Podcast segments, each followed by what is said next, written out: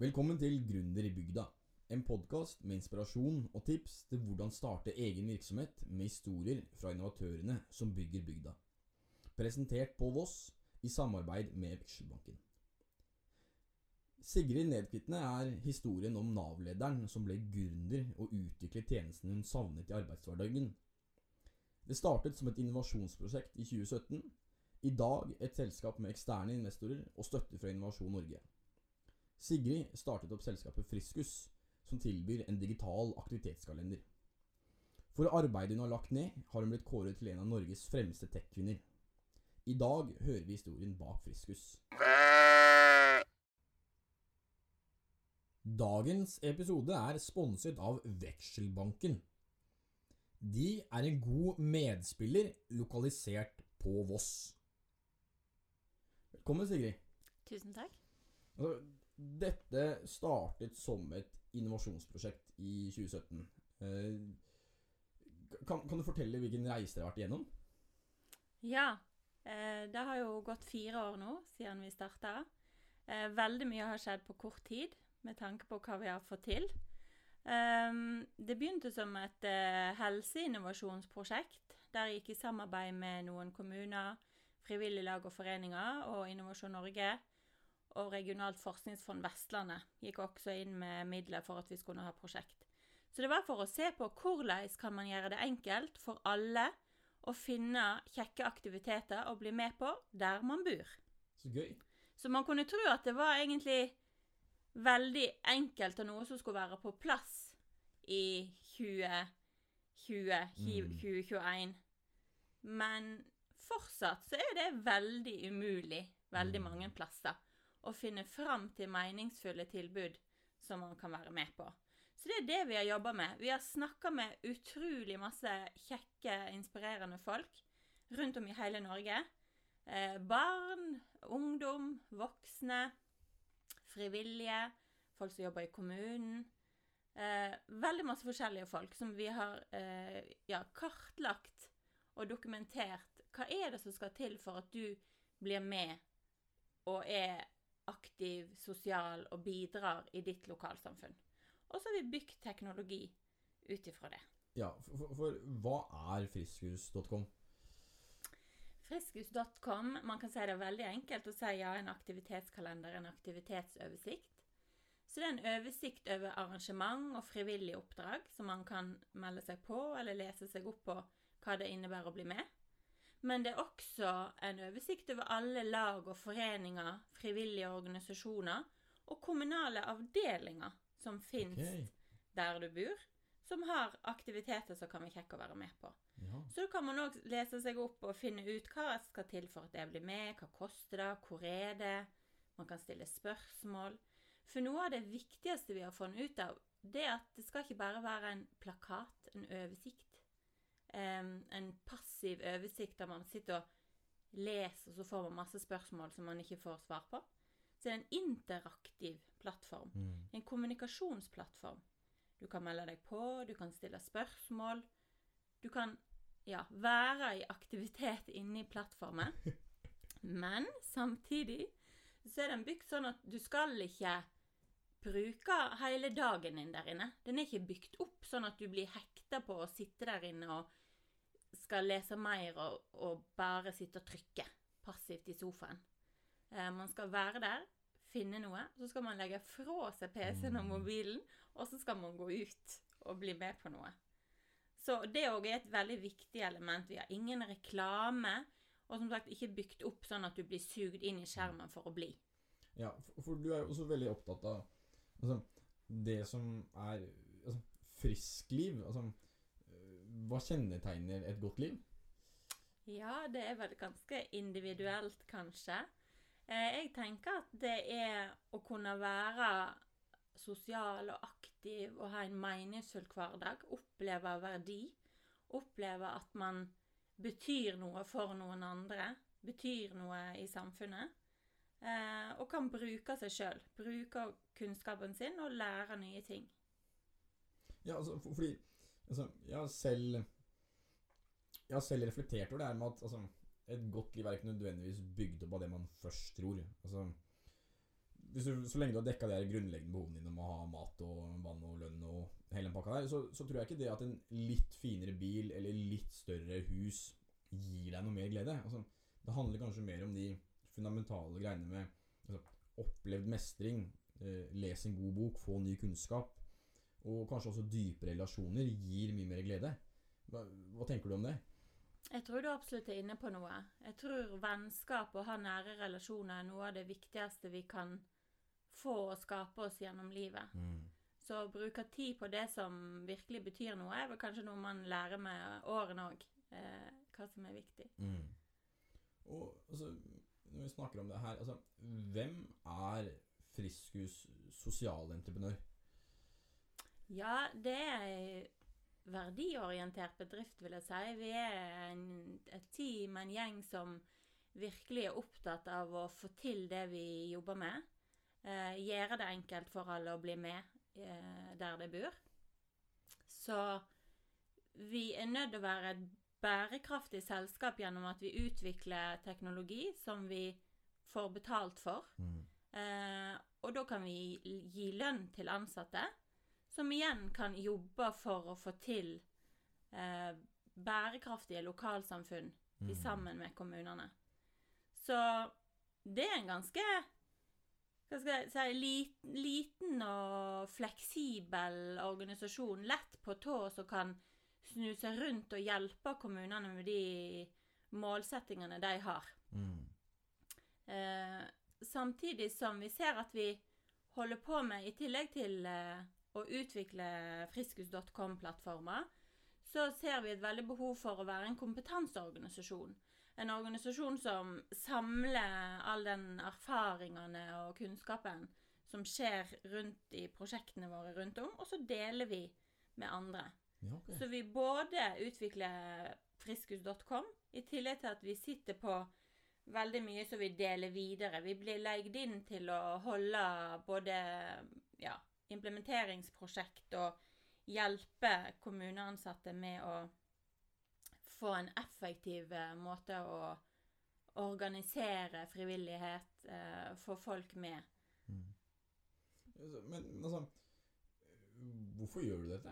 Altså, ble, ble en sosialentreprenør? Ja, det var jo Det er jo ikke mange år siden jeg tror ikke jeg visste hva gründer betydde engang. Hva det var. Ehm, nei, det var ikke noe planlagt, egentlig. Jeg eh, har jobba lenge i offentlig sektor. Uh, så leder på forskjellige avdelinger innen helse og velferd. Og det var vel at jeg så dette store behovet for at vi må ha et verktøy som Mm. hjelper oss med det vi vil få til. Vi jobber med så utrolig masse spennende som betyr så mye for mange folk.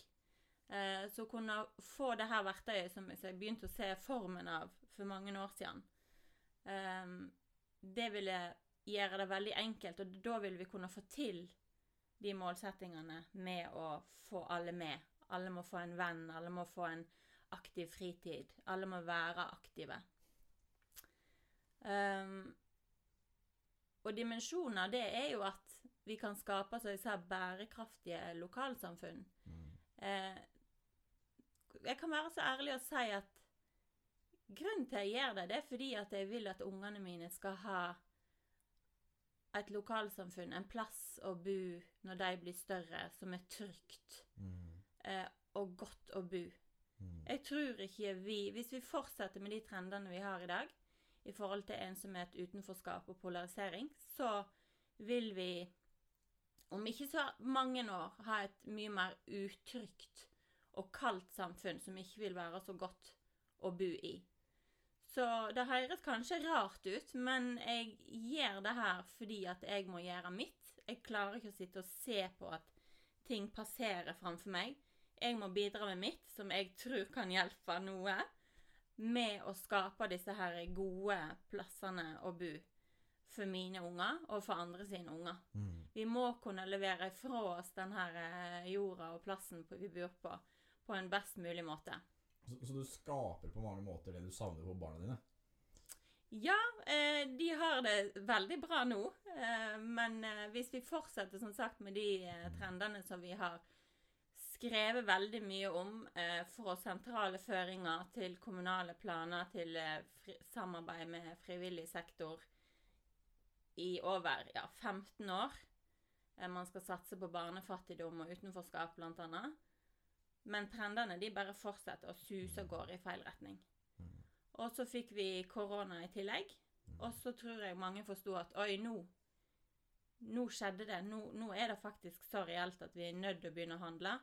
Nå. Mm. Så de problemene som vi har sett i mange år, de, de er bare liksom Nå er ikke det en annen plass eller litt lenger fram. Det er rett fram for nåse på alle. Mm. Så hvis vi nå klarer å virkelig mobilisere, og virkelig klarer å digitalisere Kommune-Norge, som òg har Vi har sett en veldig oppblomstring av at det er en mye mer villighet, eller hva man skal kalle det, til å være digitale, så vil man kunne mobilisere og få til noe nå for barn og unge, framtida vår. Mm. Og altså, du snakker om å digitalisere Kommune-Norge. Altså, Mm. dere skaper en IT-plattform.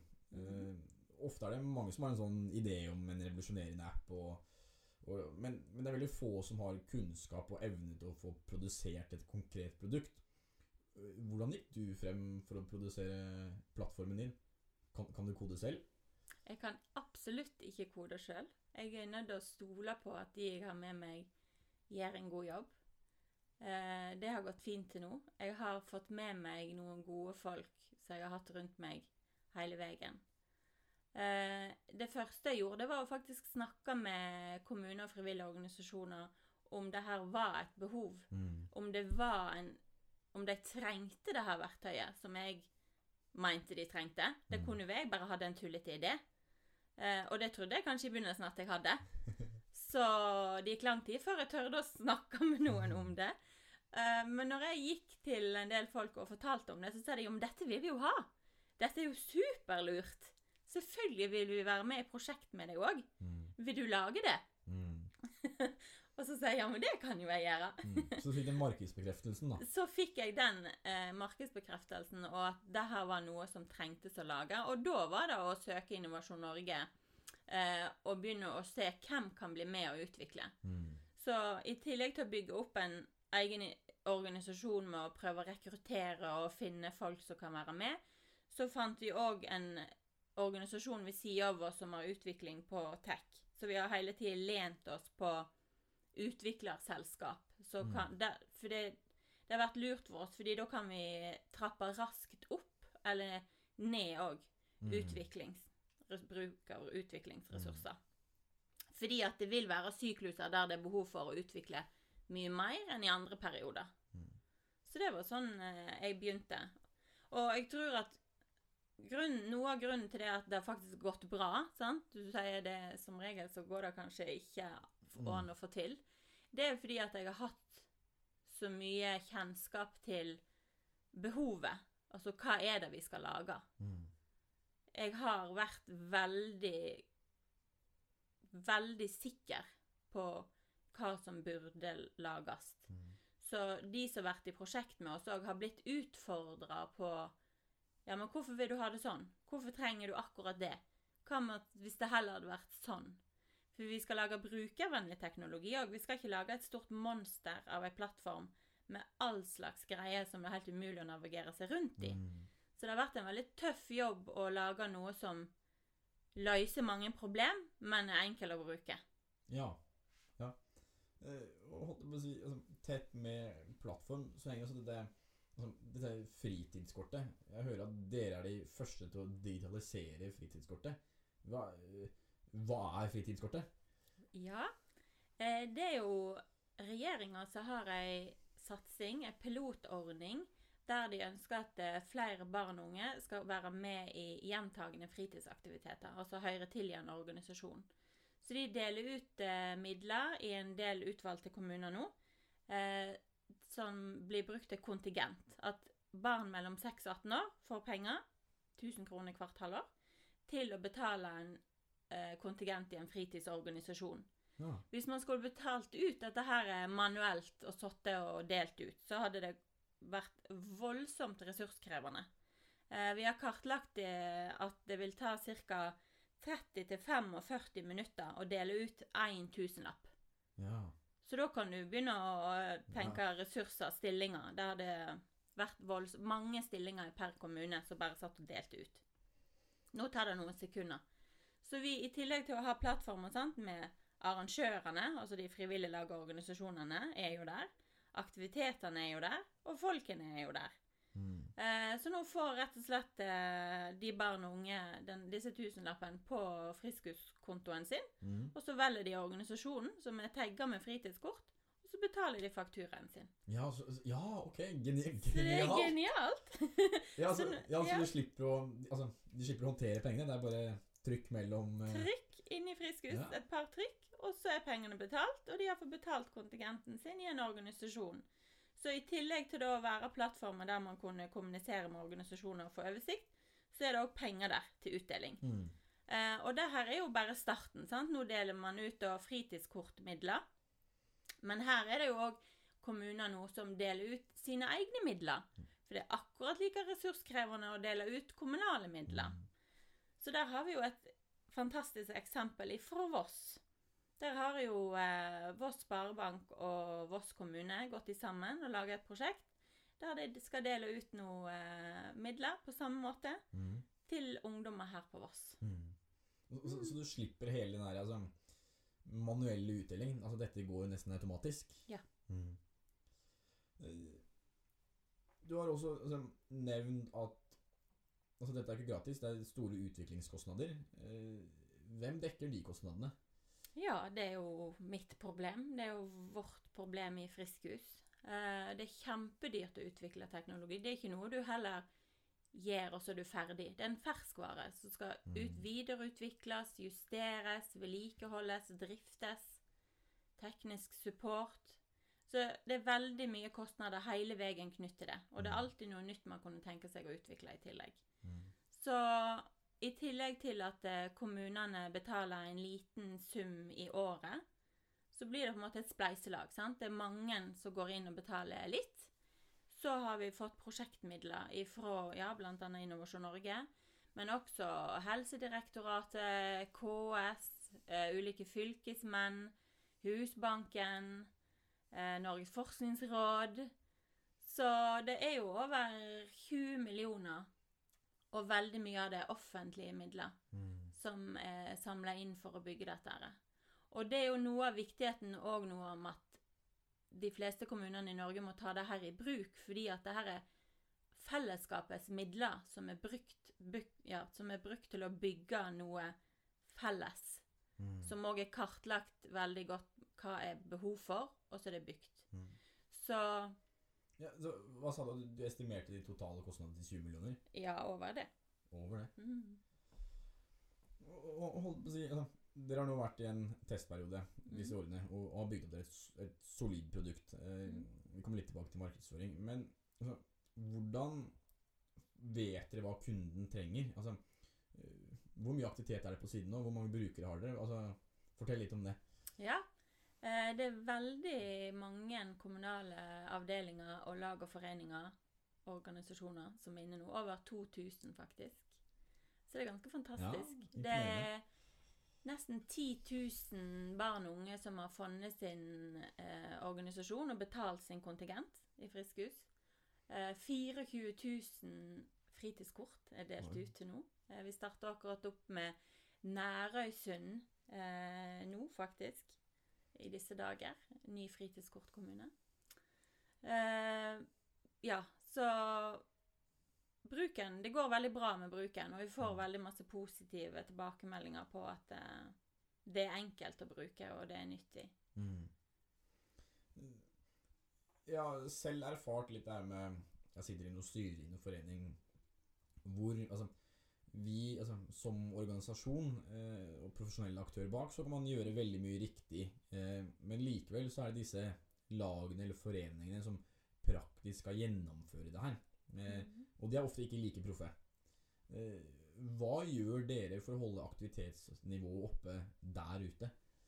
Ja, vi har bygd huset som da kommune og frivillige lag og foreninger kan fylle med det de har lyst til. Eh, så egentlig kunne vi ha levert Friskus og sagt nå, vær så god, kan det bare fikse sånn som det vil. Eh, men vi tilbyr workshop. Ja. Eh, ja. Så når kommunene kjøper lisensen, så blir det automatisk gratis for alle lag og foreninger i den kommunen og alle innbyggere. Eh, og så har vi hatt masse digitale workshop på video nå. Eh, i, før reiste vi mye rundt. Så da var det ofte pizza og opplæring i hvordan legge inn aktivitet i friskhus. så vi kan hjelpe med veldig mye ute, eller eh, kommunene håndterer det sjøl. Har egen prosjektleder og lager en prosjektorganisasjon. Eh, og når ut. Blir gode på å kommunisere ut. Mm. Eh, men der ser jeg vi har veldig masse erfaring. Hvordan nå ut på en effektiv og god kommunikativ måte. Mm. Så vi har både laga filmer, eh, vi skriver tekster så de kan legge på hjemmesider. Så vi gjør veldig masse forskjellig innenfor synlighet, da. Sånn at det blir eh, veldig enkelt og kjapt å nå ut med Nå har vi fått en felles aktivitetsoversikt her i denne kommunen. Mm. Ja, og- og det har jeg lagt veldig merke til. Dere har et bevisst forhold til merkevarebygging. Altså, dere er, altså, dere er med på influensere, dere har webinar. Altså, hva, hva tenker du om markedsføring? Åpenbart er du bevisst. Kjekt du sier. Nå vet jeg at det er flere, spesielt Camilla i Friskus, som blir veldig glad. Jeg har flinke folk med meg på dette, som jobber og tenker veldig mye på, på det. Mm. Så ja, vi er veldig bevisste. Vi er bevisste på hvem vi skal være, Mm. eh, og hvordan vi skal uttrykke oss, og, og gjøre det enkelt å forstå. Fordi det er en stor plattform som løser mye forskjellige problem. Så derfor må vi òg bli gode og bevisste på hvordan vi forteller om det, sånn at det er enkelt å forstå hva det er for noe. Mm. Og- Dagens episode er sponset av Vekselbanken. Driver du egen bedrift? Mitt tips til deg er å ta en titt innom Vekselbanken sin hjemmeside. De har laget en oversikt over tips og verktøy for bedrifter. Her ligger eksempelvis bankens mal til forretningsplan og likviditetsbudsjett. Sjekk det ut selv på vekselbanken.no. Dere er en sosial entreprenør. Eh, altså, hva, hva betyr det? Altså, hvordan tjener dere penger? Ja, en en sosialentreprenør det er en som løser, er med å løse samfunnsproblem, utfordringer. Eh, men vi må også være en organisasjon som får, får det til å gå rundt. Altså han er bærekraftig. Vi er Mm. ikke sånn at vi har overføringer fra statsbudsjettet, eller vi har ikke pengeinnsamlinger på ulike måter. Så vi må klare oss sjøl. Eh, så det å selge denne lisensen til mange kommuner, sånn at vi får til det spleiselaget. Og på den måten så kan vi være en sosial entreprenør som er en liten motor ved siden av, som løser problemene, reflekterer, drar i gang nye prosjekter. Prøver å hjelpe til med det som allerede skjer av gode ting i kommunene rundt om, da. Okay, så, hvis så kommunen kjøper en lisens, og det får alle lag og foreninger glede av Ja. Mm. Du, altså Litt om deg, holdt jeg på å si. Altså, eh, dine besteforeldre, tante og mor hadde en sybutikk, og lørdager var på eh, var arbeidsdag. Eh, Jeg hører du har lest Hordaland Avis. og, og du har altså, Du har også uttalt at eh, du skal være mot andre slik at eh, altså, andre vil være mot deg. Eh, hva legger du i det? Altså, har du alltid hatt et engasjement? Når jeg ser tilbake, så har jeg vel egentlig det. Jeg har vært med i 4H fra jeg var liten og var leder for eh, aspirantgrupper og tok det med på hytteturer og var veldig sånn Dreiv på med små ting i frivillige organisasjoner. Var med i kjøre- og rideklubben her på Voss og hadde ofte på meg bunad på lørdagene og henta folk utenfor kirka som skulle hentes, hadde gifta seg. Så kjørte de med hest og kjerre til der de skulle ete middag. Og, så når jeg ser tilbake på det, så har jeg gjort masse sånn forskjellig eh, innenfor eh, ja, frivillige organisasjoner. Når jeg flytta til Sunnfjord for en del år siden, så eh, hadde jeg veldig lyst til å være med og bidra og gjøre noe. Veldig vanskelig å finne ut hva jeg kunne gjøre. Så til slutt så fant jeg et hus i sentrum der, så det sto Røde Kors-huset på. Mm. Så jeg gikk, gikk inn og prøvde å finne noen og snakke med noen. Eh, Kan jeg gjøre noe? så da åpna jeg, eller starta faktisk opp eh, leksehjelp okay. for eh, mottaksunger. Fordi, ja, der. Ja. Så ja, jeg har vel alltid brydd meg, men kanskje ikke hatt så mye tro på at jeg kunne bidra så mye, eller at det jeg Mm. gjorde, betydde så mye. Mm.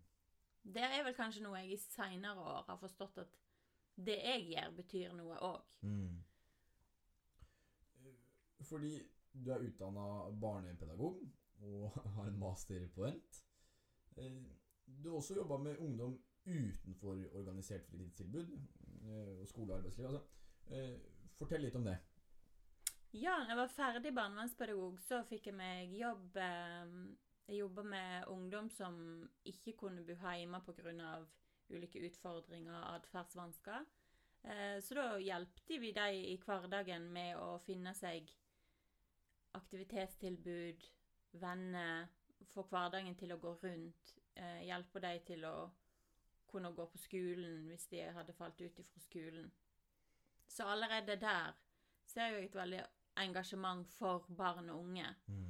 Um, så det har gitt meg veldig mye å kunne jobbe så tett på folk. Da var vi jo i turnus der vi bodde med ungdommene. Så vi, når jeg var på jobb, så var jeg der 24 timer Mm. i flere døgn, ja.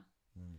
Um, så det er viktig å ha med seg, tror jeg, den uh, bakgrunnen der. Uh, om jobbe med mennesker på den måten, så har jeg etter hvert blitt leder. Hatt ulike lederstillinger, både for barnevernstjeneste og andre ting. Eh, men å kunne jobbe så tett på folk, så har en med seg noen perspektiv som er gode når en òg er i administrative stillinger. Mm. Og holdt jeg på å si altså, Vi skal reflektere litt mer avslutningsvis, men altså, utdanning er en veldig sånn identitetsfaktor i samfunnet. Og mange av de gründerne jeg snakker om, har, altså, flere av de har altså, har ikke så fokus på skole, men likevel gjør det ganske, eller svært godt som gründere. Altså, hva, hva tenker du om utdanning? Er det altså, Hvis man faller utenfor der, så faller man litt utenfor det altså, veldig livet mange har. Kan du reflektere litt rundt eh, det med utdanning? Ja, litt vanskelig spørsmål, men jeg tror at utdanning er viktig for å få mennesker til å reflektere. Eh, man blir introdusert for nye perspektiv og fag som man ikke kan noe om i forkant. Så jeg tror at det er viktig å ta seg en utdanning. Man trenger ikke nødvendigvis jobbe som det man har utdannet seg om, helt sånn ja, eh, nøyaktig eh, den bacheloren, eller ja. Men at en har en grunnutdanning på bachelor eller etter hvert masternivå, det tror jeg kan være bra. Mm. Og så kan man finne sin vei i arbeidslivet etterpå. Og da har han med seg den ballasten i tillegg til personlig erfaring og yrkeserfaring, og så blir man forma som person, og så eh, kan man gjøre masse spennende. Mm. Så, så handler det kanskje minst like mye om den prosessen, altså det å lære å lære, kontra altså, det faget du lærer, kanskje. Ja, kanskje. Du har uttalt at du er opptatt av mangfold eh, og inkludering av eh, begge kjønn. Eh, ofte når det kommer til kvinnelige gründere, så er liksom spørsmålene og fokuset på familieliv og hvordan de kombinerer familie og jobb. Men får ikke like ofte det samme spørsmålet. Hva, hva tenker du om det? På en måte så Ja, det er et litt vanskelig spørsmål kanskje å uttale seg om, men på en annen side så tenker jeg at det er helt greit om folk spør meg om det spørsmålet òg. En skal ikke være så hårsåre. Men eh, jeg tenker òg at en også kan spørre mannfolkene om det, for de er også omsorgspersoner i heimen. Mm. Og i fare for å tråkke i salaten Hvordan får du tid til alt? Eh, Altså, du har tidligere nevnt at du jobber en del flere timer enn en normal arbeidsuke. Eh, Det er vel kanskje at jeg ikke får tid til alt. Jeg må prioritere vekk, da. Mm. Um, og jeg prioriterer meg vekk så det går på bekostning av meg sjøl. Ok. som kanskje ikke er så lurt i forhold til å være sosial og aktiv sjøl. Mm. Jeg eh, må være veldig bevisst på hva jeg bruker tida mi på. Så det er familietid eller jobb. Har Mm. vært i flere år nå. Mm. Du ble kåra til altså, en av Norges fremste tech-kvinner. Har du noen tips til andre kvinner inn i teknologiverden? Ja, det er faktisk en veldig mannsdominert bransje. Det er veldig få IT-bedrifter som er styrt og leia, og også eid av damer. Så de vil merke en del hersketeknikker og en del um, Ja, kanskje Det er litt sånn vanskelig å finne sin rolle, merker jeg. Kanskje som tech-kvinne eller forretningskvinne, fordi at hvis man er veldig tydelig og bestemt og litt streng, da kan man være litt sur. Da er man plutselig litt sånn sur dame. Og er man eh, veldig hyggelig og smilende, da er det kanskje litt vanskelig å bli respektert eller lytta til.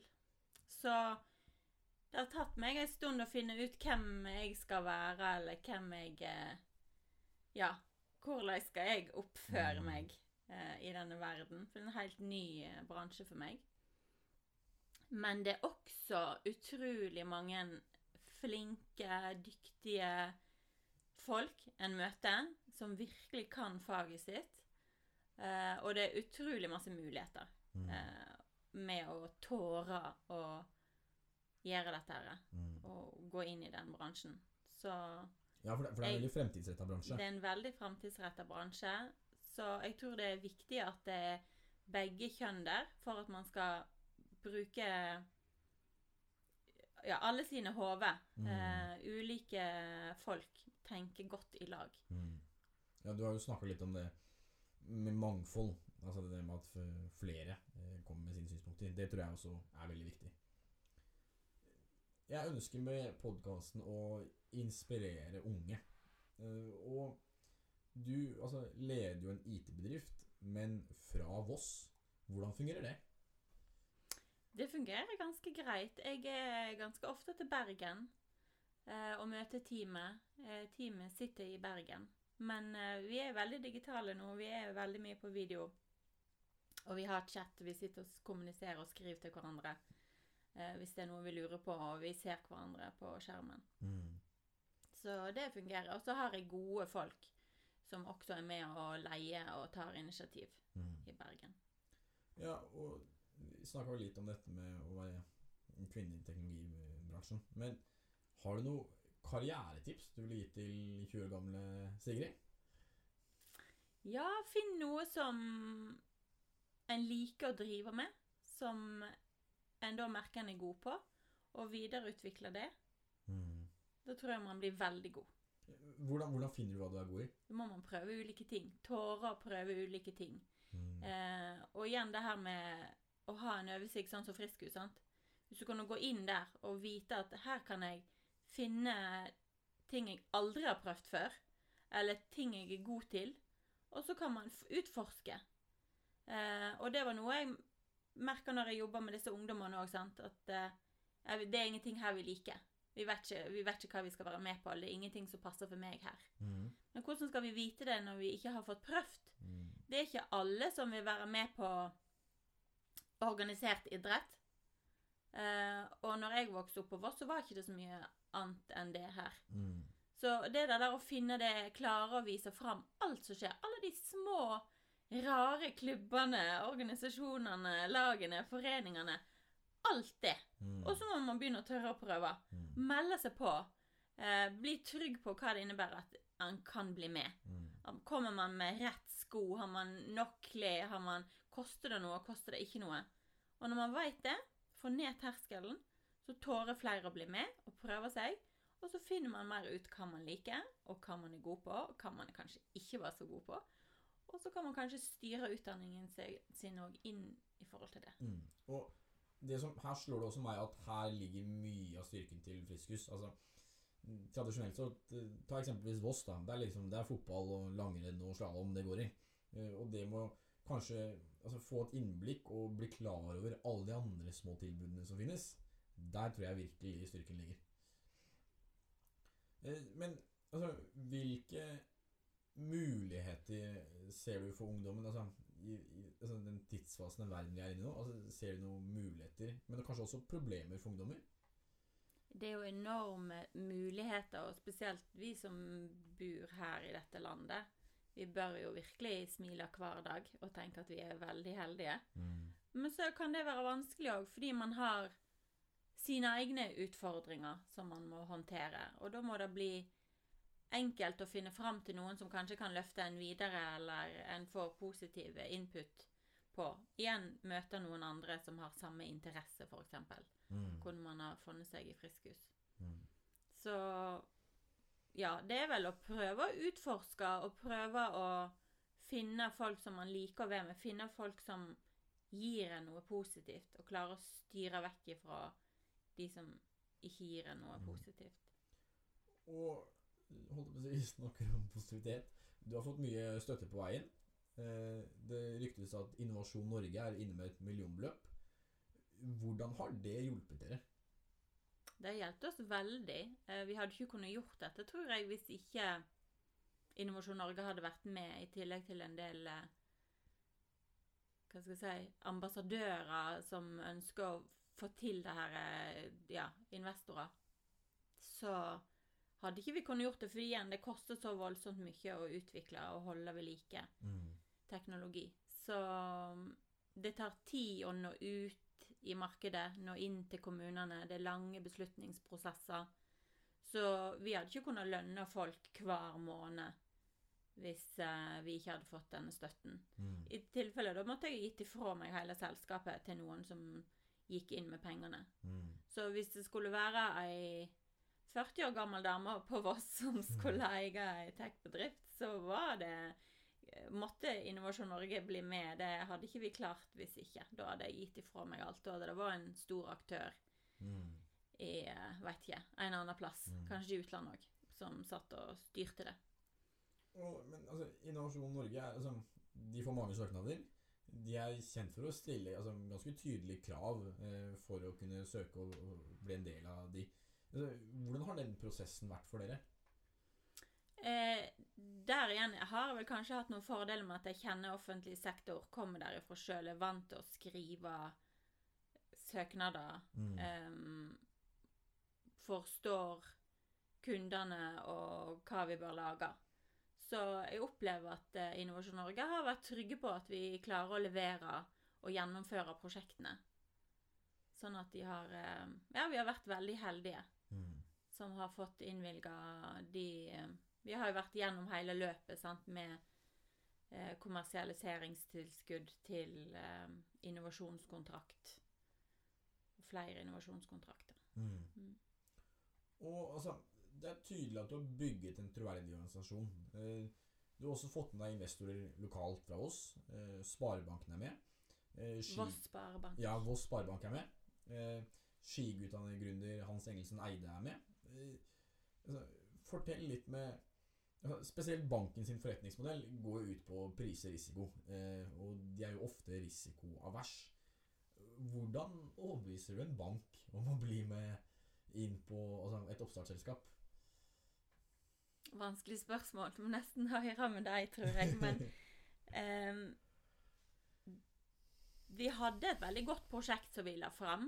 Uh, og det var en grundig prosess som gjorde at de kom tilbake og sa at de ville være investor. Jeg vet at jeg har et uh, varmt hjerte for Voss og vil løfte fram uh, gode initiativ. Mm. Så jeg tenkte at dette var det.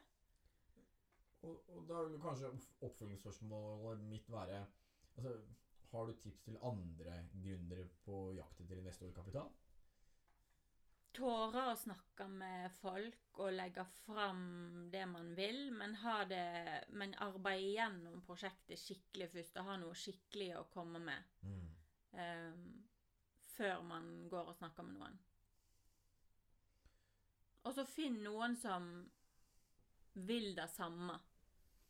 Ikke finn de som egentlig ville noe annet, eller var bare ute etter sånn pengejag, eller som kommer til å sitte på skuldra og puste deg inn i øra mens du jobber. Mm. De vil man ikke ha med seg. Du må ha noen, spesielt for for meg eller, og teamet så var det viktig å finne noen som var samfunnsengasjerte. Mm. Vi har kun med oss samfunnsengasjerte investorer som virkelig vil bra for samfunnet. At Mm. dette her blir en god løsning for samfunnet. Det er det som er viktig for dem. Ja, og det var også en tidligere podkastgjest der som reflekterte over at altså, få med deg en industriell investor som kan ha mer verdi enn bare penger. Altså som Mm. kan tenke i samme baner som deg. Og det, der tror jeg du treffer veldig spikeren på hodet. Det er veldig rett. De kan komme med nettverk, og de kan komme med masse gode erfaringer og tips og hva som er lurt å gjøre. De, de kan hjelpe til, rett og slett, med å, å få det til.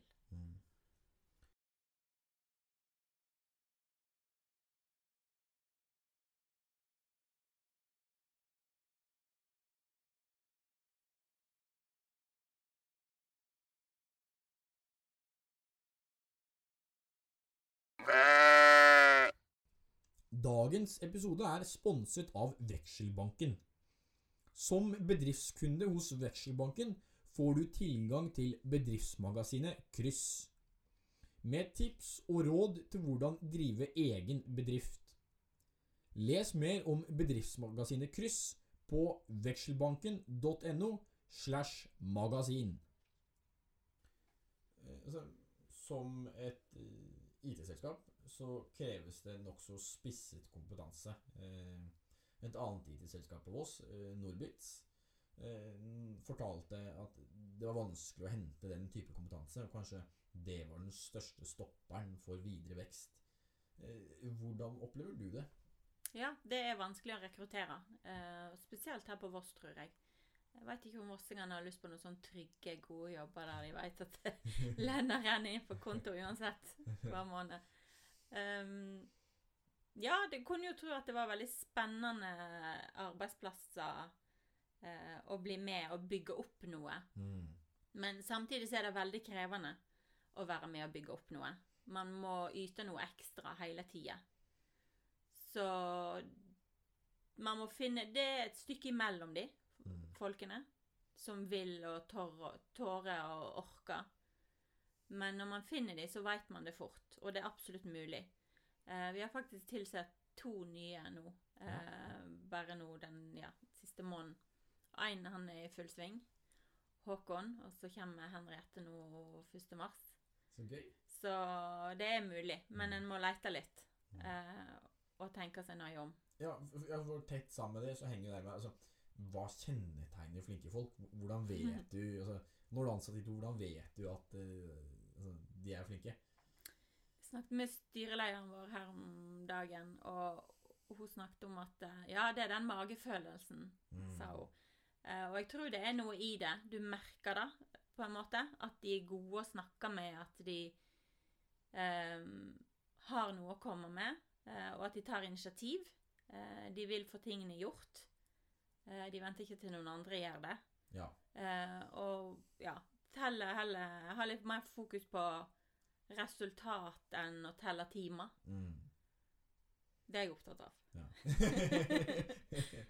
ja, men, men altså, det du sier om at de tar initiativ, det tror jeg er veldig viktig. Altså Ansatte ser utfordringer og problemer selv og går løs på det, kontra du som leder må peke på alle arbeidsoppgaver.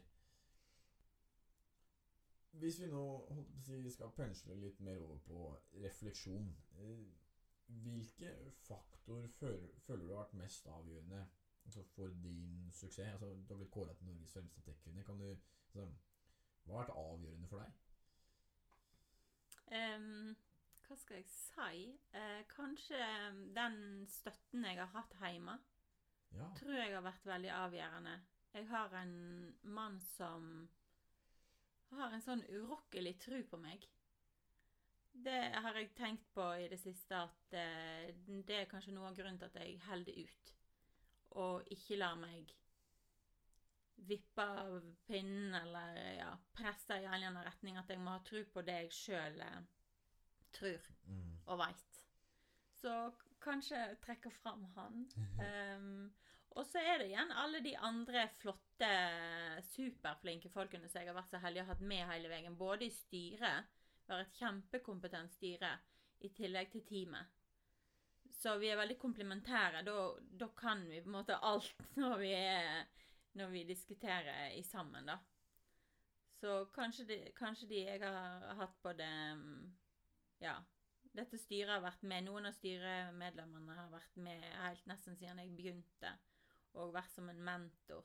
Ja, for, for styresammensetning er undervurdert ofte. Altså det med å ha et godt styre. Ja, hvis de, hvis de har tid til å snakke med deg og møte deg imellom styresamlingene.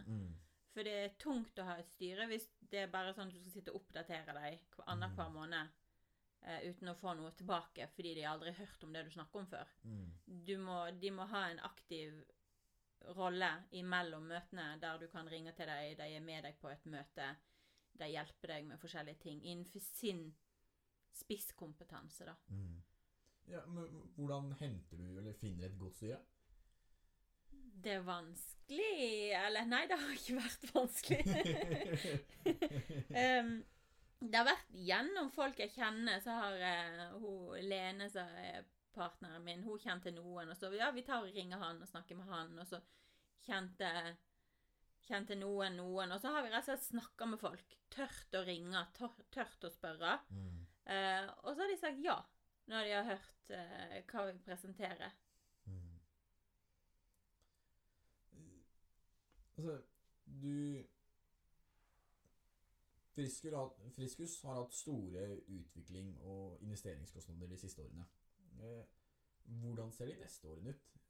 Hvor er dere om fem eller ti år? Nei, det, det, sånne spørsmål liker jeg ikke. Det er litt sånn, eh, nesten litt sånn skrytete hvis en skal begynne å snakke om hvor en er om eh, langt fram i tid. Men vi vil jo være en solid aktør som virkelig er med og, og drar videre eh, sosial bærekraftmålene, da. Mm.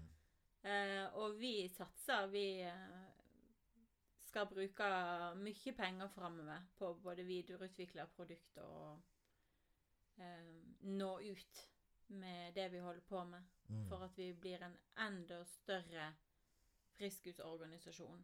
Mm. Og kommunene våre sier òg at de, de syns det er gøy å være med i Friskusteamet. De velger Ja. oss fordi at eh, vi kan så mye om det vi holder på med, i tillegg til å levere teknologien. Og det er veldig, ja, veldig fin bekreftelse å få tilbake, da. Og det tror jeg også kjennetegner de gründerne som lykkes òg. Altså, du har et litt dypere engasjement enn bare Du brenner for temaet, liksom. Og altså, altså Ofte så Ofte opplever gründere motgang og treghet eh, fra det offentlige. Eh, eh, altså Det verste en gründer vet, er ofte byråkrati og regler og rammer. Eh, og du har jo hva, ti år i det offentlige. Altså, da har du stått på begge sider av gjerdet. Hvordan opplever du det? Jeg tror det er bra jeg har med meg denne erfaringen, for da kan jeg mer smøre meg med tålmodighet og ikke ta det personlig. at det tar tid med mm, å vente på at eh, kommunen skal bli samarbeidsparter. For det kan ta veldig lang tid. Vi har jo òg erfart at eh, det er kommuner som bruker masse ressurser på å pilotere og ha prosjekt, og så begynner de plutselig å snakke om at nei, men kanskje vi skulle Dette er en så god idé at kanskje vi skulle bygge det sjøl. Mm. Så det er mye som rører seg i offentlig sektor.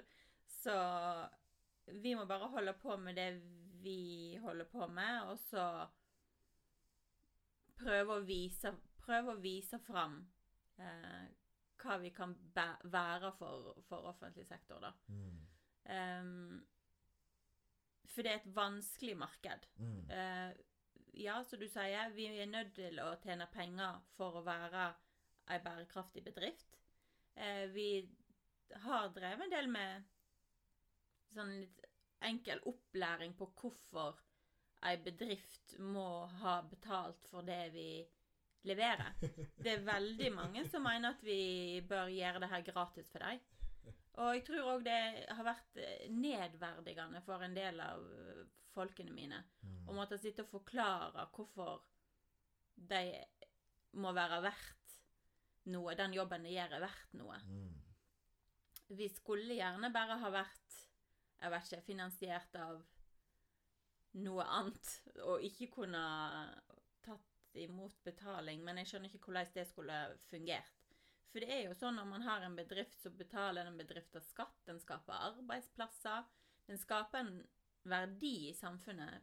Å være arbeidsplasskaper er en Mm. verdi i seg sjøl. Og det er jo det man gjør når man får til disse samarbeidene offentlig-privat sektor.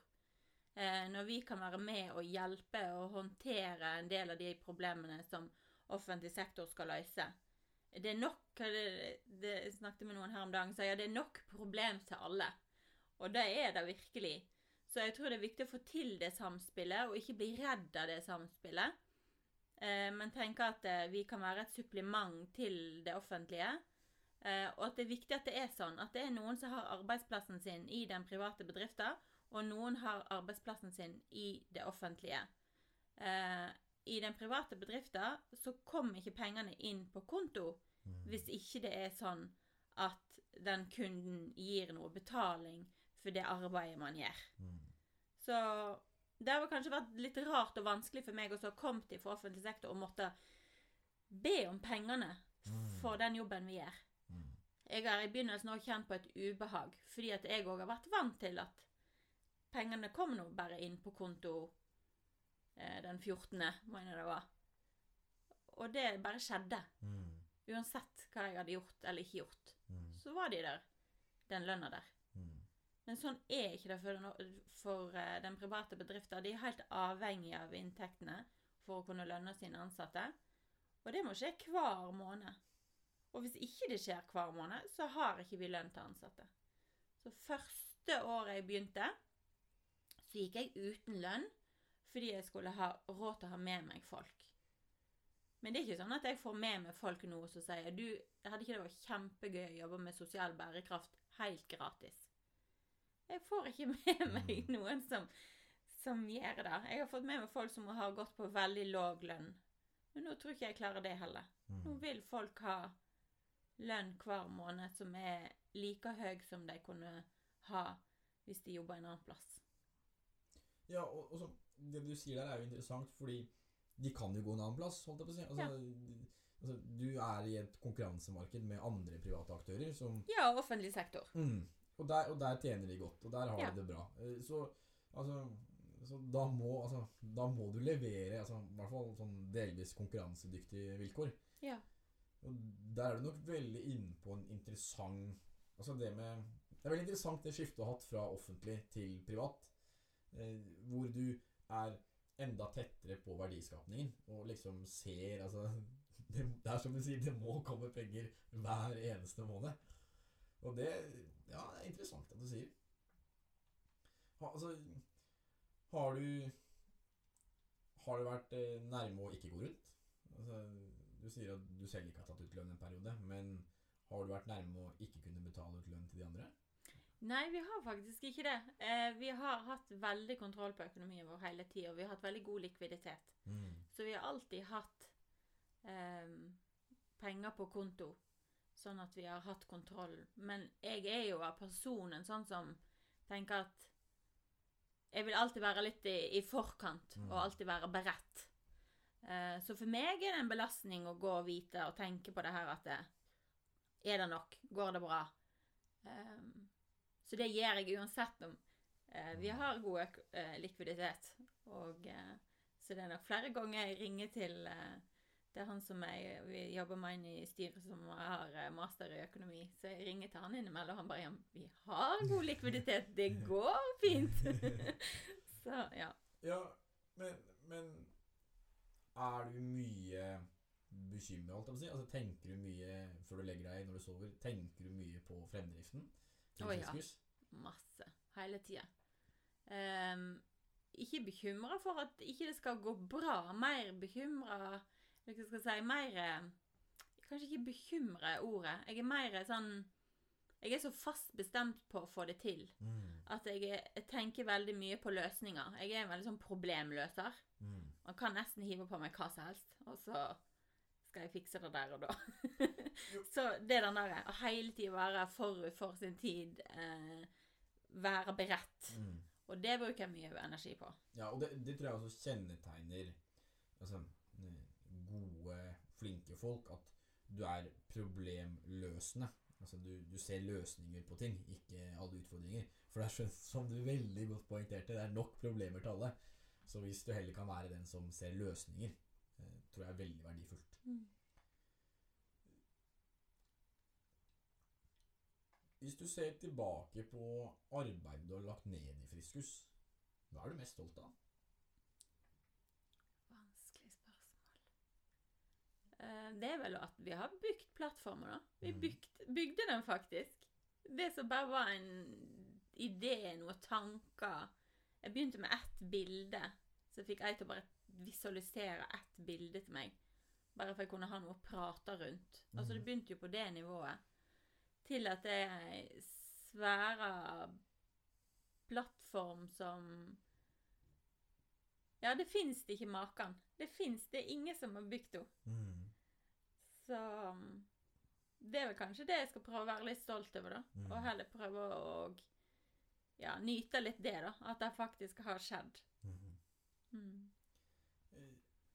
Nå har vi snakka en god time her, og eh, vi har vært eh, veldig gjennom historien, og også avslutningsvis eh, reflektert. Er det noe mer du vil legge til samtalen? Det var veldig kjekt å snakke med deg. Jeg må si du er en veldig reflektert og klok ung mann. Det må jeg si. Takk. Og holdt jeg på å si med, med reisen du har vært gjennom, og det jeg tar meg med fra samtalen, er at det er nok problemer til alle. Så altså Det, det med at altså, kjerneorganisasjonene kan drive med sin kjerneaktivitet, eksempelvis det offentlige, da, kan drive med sin kjerneaktivitet, og så kan eh, dere som ekstern aktør løse de problemene rundt. Eh, det tar jeg med meg veldig videre. Eh, den refleksjonen du gjorde der, syns jeg var lærerik. Bra. Og så er det det her med å få noe eh, sosial bærekraft virkelig på dagsordenen. Vi snakker mye om eh, grønn bærekraft. Det har vært veldig poppis. Eh, kanskje ikke det sosiale er så inn. Det er litt mer sånn ullent, litt vanskelig å få tak i hva sosial bærekraft er. Det handler om mennesker. Eh, kanskje det er ikke så kult. Mm. Eh, jeg veit ikke. Men det er veldig mange av bærekraftmålene, FNs bærekraftmål, som handler om sosial bærekraft. Mm. Så jeg håper og tror nå at flere fagpersoner òg mer slår i bordet over- overfor barn og unge nå. Mm. At nå må vi virkelig gjøre noe for barn og unge. Sånn at eh, de klarer å få en god oppvekst og framtid. Mm. Og det må bli kult å drive på med sosial bærekraft. Og med den oppfordringen eh, så takker jeg for praten. Tusen takk, Sigrid.